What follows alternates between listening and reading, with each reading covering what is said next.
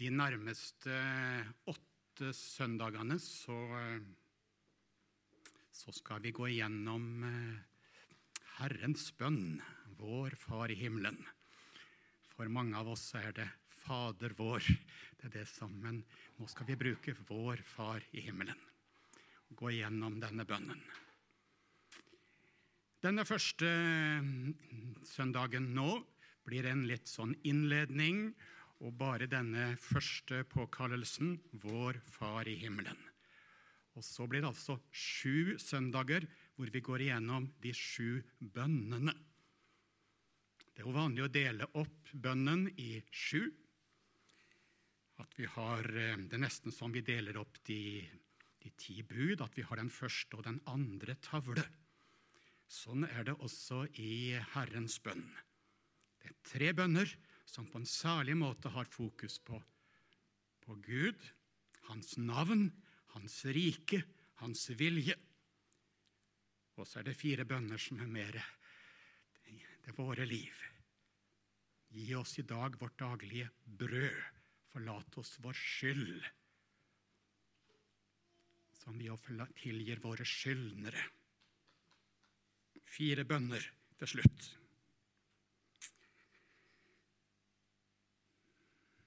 Det er jo ulike måter å dele inn disse fire siste på. Vi har valgt i denne serien nå å dele inn 'tilgi oss vår skyld', som vi også tilgir våre skyldnere. kommer til å dele dette i to. Og så samler vi de to siste bønnene. Eh, la oss ikke komme i fristelse, men frels oss fra det onde. Det vil vi ta den, på den siste søndagen. Vi skal be sammen før vi fortsetter.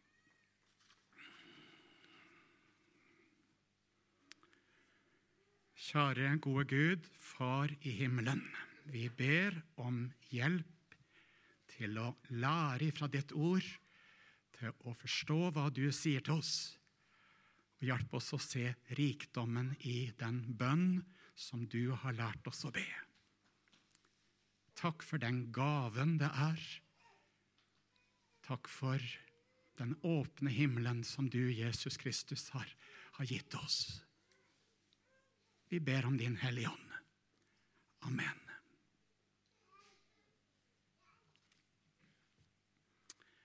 Ja, nå har jeg ikke tenkt mye på de minste her. De, eh, men de, de, er så utrolig snille og greie, alle sammen, så det går vel bra om jeg snakker helst til de voksne. Og så fanger de opp litt.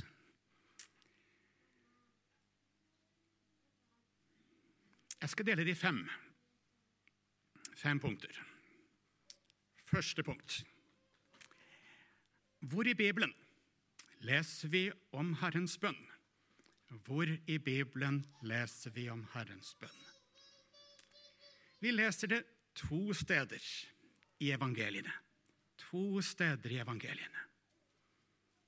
Det første stedet det er i bergprekenen, hvor Jesus underviser sine disipler. Der lærer vi denne bønnen. Og Det andre stedet er i Lukas 11. Det første var i bergprekenen Matteus 6. Det andre stedet er i Lukas 11. Det er en annen undervisning som Jesus har med sine disipler, hvor han også lærer de Herrens bønn. Alle de sju bønnene er med på begge stedene. Men avslutningen for ditt er riket, makten, æren i evighet. Amen. Det er ikke med i, i Lukas, bare i Matteus. I Lukas 11 der spør Jesus disiplene Lær oss å be. Sånn som eh, døperen Johannes lærte sine disipler å be. Nå må du lære oss Jesus. Og Jesus sier, 'Slik skal dere be'. Og så, så gir han de Herrens bønn, vår Far i himmelen. Og så fortsetter Jesus med å undervise de mer om at det går an å komme om så midt på natta og be. Og en kan få lov å mase på Gud når en ber. En kommer aldri ubeleilig, sier Jesus. Og Gud er en god far som ikke vil gi barnet sitt stein når han ber om brød. Og Han avslutter den undervisningen i Lukas 11. Når dere som er onde, vet å gi, eller når vi som er onde, gir våre barn gode gaver, hvor mye mer vil ikke den himmelske Far gi Den hellige ånd til de som ber ham? Dette sier Jesus i forbindelse med undervisningen. I bergprekenen, hvor Jesus underviser om, om bønn, så er det en annen tematikk. Da er det fokus på kristen bønn i forhold til hedensk bønn. For en hedning som ikke tror på Bibelens Gud, kan likevel be. Men så sier Jesus, når dere ber, da skal dere ikke ramse opp mange ord som hedningene. For de tror at de blir bønnhørt når de bruker mange ord. Vær ikke som dem, for deres himmelske Far vet hva dere trenger til før dere ber ham. Og så gir han de Herrens bønn. Da har vi kommet til punkt to, som liksom er en oppsummering av dette. Hva er kristen bønn? Hvis du skulle svare på det. Hva er det som skiller kristen bønn fra hedensk bønn? Ja, Det er jammen ikke så lett å svare på det med få ord. Men altså, Jesus sier det. En hedensk bønn. Da er bønnen en gjerning som blir belønnet med svar. Gud svarer fordi at du brukte mange ord. Du oppfylte noe.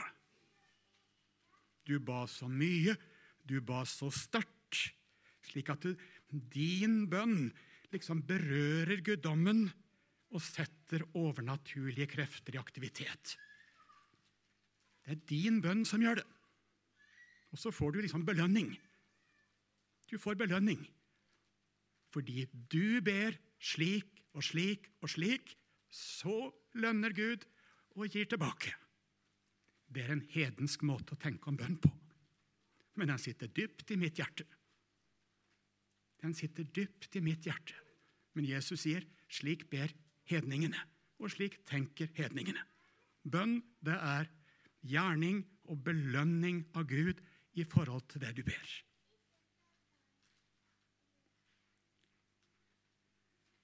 Kristen bønn er annerledes.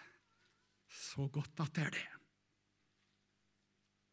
Bønnen er ei gave du har fått, ikke en gjerning du skal gjøre men ei gave du har fått.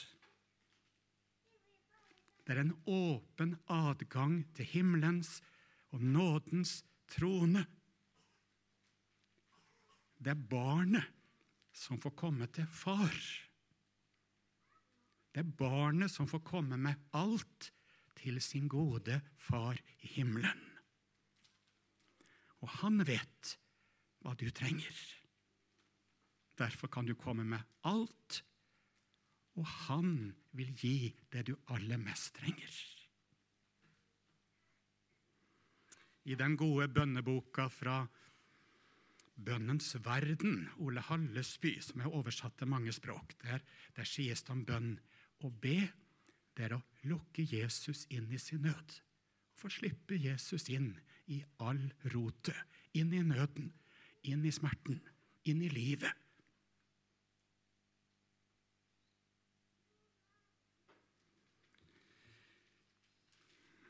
i den gamle opplæringen som ble gitt gjennom Pontoppidan, så var det sagt sånn Å be er å tale enkelt med Gud i sitt hjerte. En fin forklaring. Det er å snakke enkelt med Gud i sitt hjerte.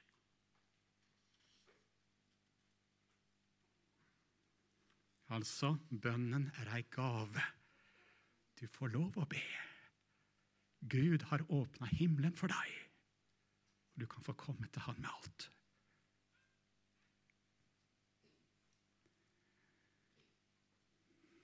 Punkt tre.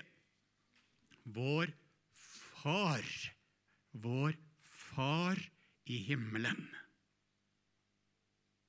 I katekisma så står det sånn Gud vil med disse ord oppmuntre oss til å tro at Han, Gud, er vår rette far, og vi hans rette barn, så vi trygt og tillitsfullt kan be til Han.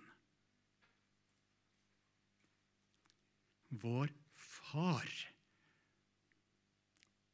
Selv om jeg er oppvokst og best kjent med den gamle formen Fader vår, så må nok jeg innrømme det at den nye formen nå, den er nærere vår Far i himmelen.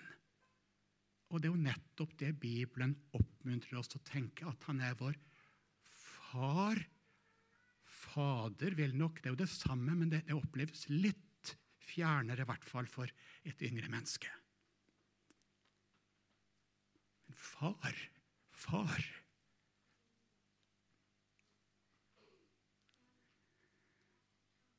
Israels Gud, Bibelens Gud, er vår far for Jesus skyld. En ikke-kristen har ikke Gud som far i denne betydningen av ordet. Jødiske ledere diskuterer i Johannes 8 med Jesus og sier at 'vi har Gud som far'. Kom ikke her. Vi har Gud som far. Og så sier Jesus, når ikke dere vil bøye dere for sannheten, så har dere djevelen til far. Et voldsomt alvor. Men alle de som tar imot Han, Sønnen, Jesus, har Gud gitt rett til å, være hans barn og til å kalle Gud for far. Denne bønnen er en disippelbønn. Egentlig ikke en bønn for den ikke-kristne verden.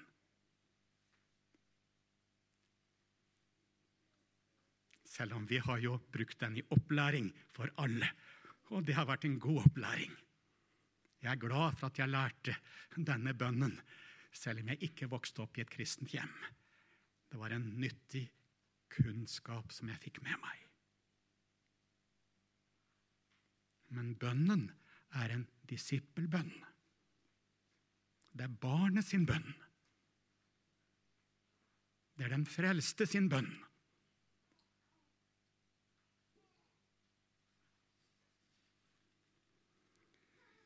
Selv om Gud ønsker å være far for alle, og han er den rette far for alt som kalles barn i himmel og på jord. Men her er det barnet som er frikjøpt fra å være en slave til å bli et barn av Gud, som kan rope 'Abba, far', 'Pappa, far'.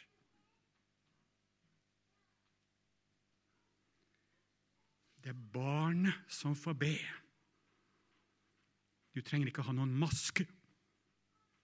Du trenger ikke være den sterke.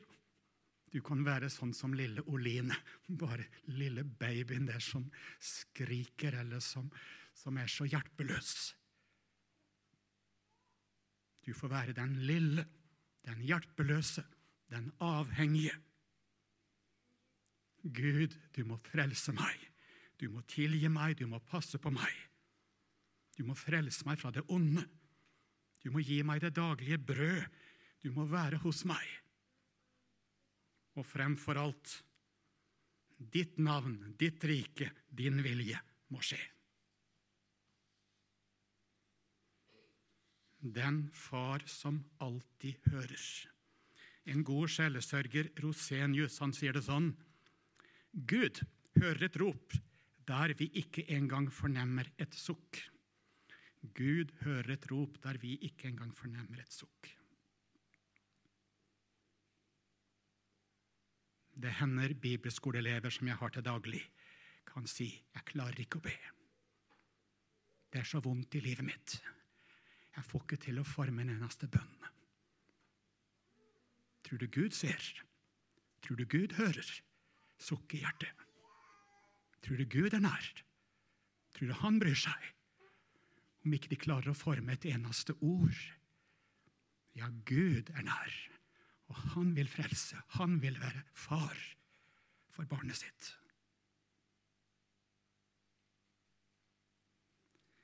Hva han tar og hva han giver, samme Fader han forbliver. Og hans mål er dette ene, barnets sanne vel alene. Glemmer vel en kvinne sitt diende barn, om også hun glemmer, så glemmer ikke jeg deg. Sånn er Gud. Punkt fire. Vi ber vår far. Vi ber ikke min far, men vi ber vår far i himmelen. Vår far i himmelen. Jeg tror ikke det er, jeg har vært bevisst akkurat på det så kjempelenge. Jeg har tenkt liksom så, Det er liksom bare meg og Gud, meg og Jesus. Men Bibelen tenker mye mer oss. Det er et fellesskap. Det er en forsamling, det er ei kirke som sprer seg, som er lokalt, og som sprer seg utover hele verden. Det er vår far. Det er vår far.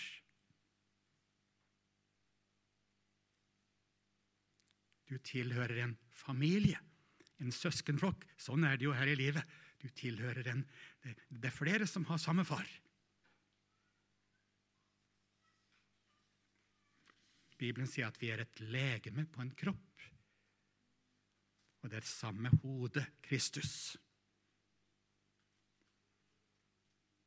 Og Bibelen sier det at jeg kan ikke ha Gud som far og så hate broren min. Det går ikke. Jeg kan ikke ha Gud som far og hate søstera mi og leve i krig med, med en annen. Det går ikke. Nei, vi har en felles far som vi tilhører. Eller jeg kan heller ikke si til broren min 'Jeg trenger deg ikke'.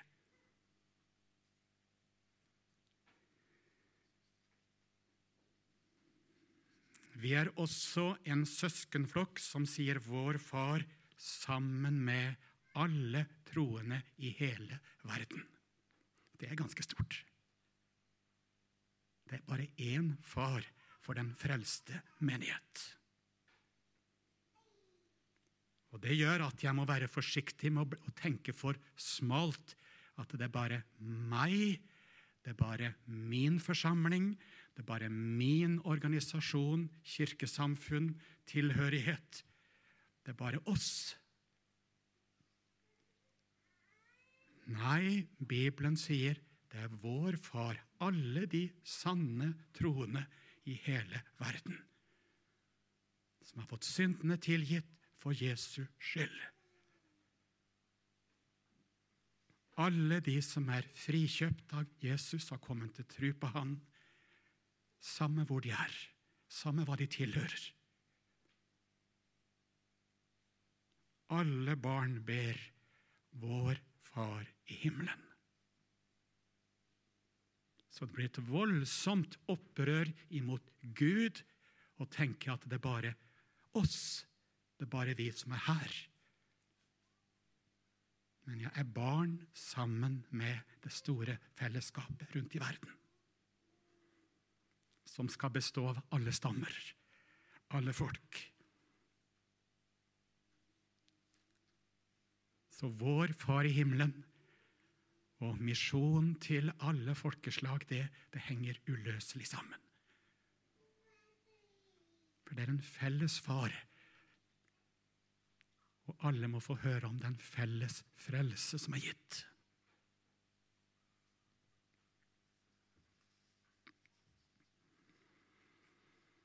Og det siste punktet. Vår Far i himmelen vår Far i himmelen. Tidligere Fader vår som er i himmelen. Gud er i himmelen, i et lys hvor ingen kan komme til, sier Bibelen. Gud er atskilt fra sitt skaperverk. Vi er ikke panteister. Det vil si at vi tror Gud er på en måte i naturen. Gud er i alt. Gud har skapt alt. Han holder alt oppe. Han holder liv i alt i naturen. Han holder liv i deg. Men Gud er over, atskilt ifra skaperverket. Han er opphøyd over alle ting. Han holder skaperverket i sine hender. Vi tror på en stor Gud, en allmektig Gud i himmelen, som er herre over alle ting.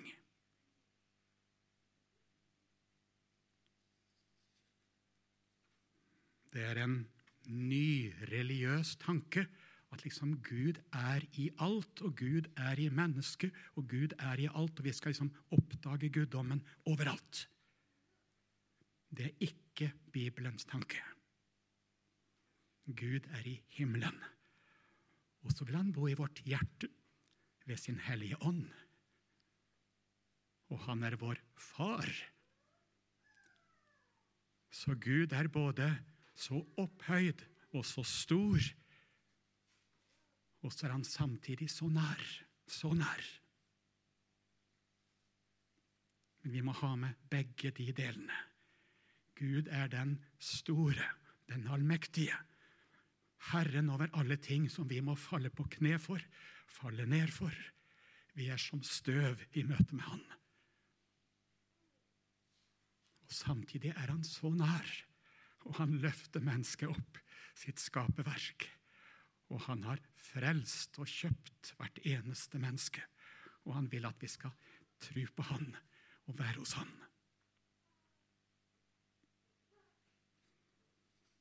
Både den opphøyede og den nære. Vår Far i himmelen. Vår Far i himmelen. Det var det jeg hadde lyst til å dele med dere i dag. Vi skal be.